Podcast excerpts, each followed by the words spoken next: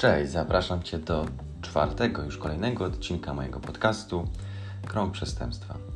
Tym razem kilka słów na temat, jak uzyskać widzenie z osobą tymczasowo aresztowaną. Zapraszam Cię. Tak jak wspomniałem, tym razem chciałem powiedzieć kilka słów na temat tego, jak albo kto i jak może uzyskać widzenie z osobą tymczasowo aresztowaną.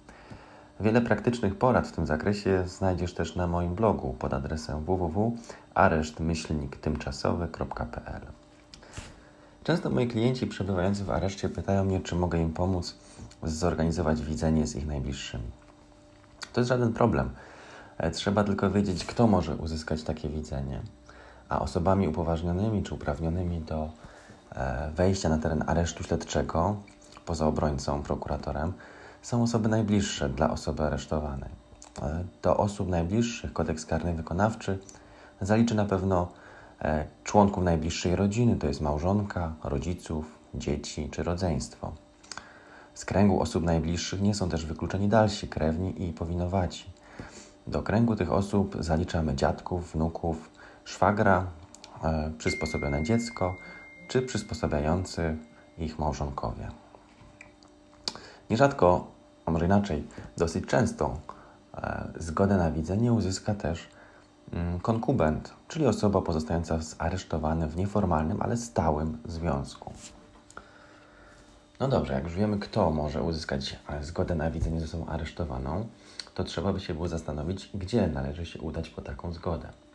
No a to już zależne jest od tego, czy wobec osoby aresztowanej toczy się proces przed sądem, czyli po wniesieniu aktu oskarżenia, czy sprawa znajduje się jeszcze na etapie tak zwanego postępowania przygotowawczego, które nadzoruje prokurator.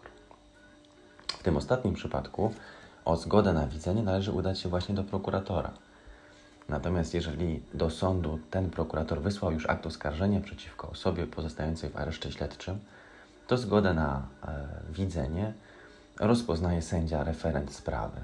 Czyli taki wniosek należy e, skierować do sekretariatu Wydziału Karnego Sądu, e, przed którym toczy się sprawa. Zapytacie, jak często można uzyskać widzenie z osobą aresztowaną? No cóż, w tym względzie kodeks karny wykonawczy przewiduje pewne minimum.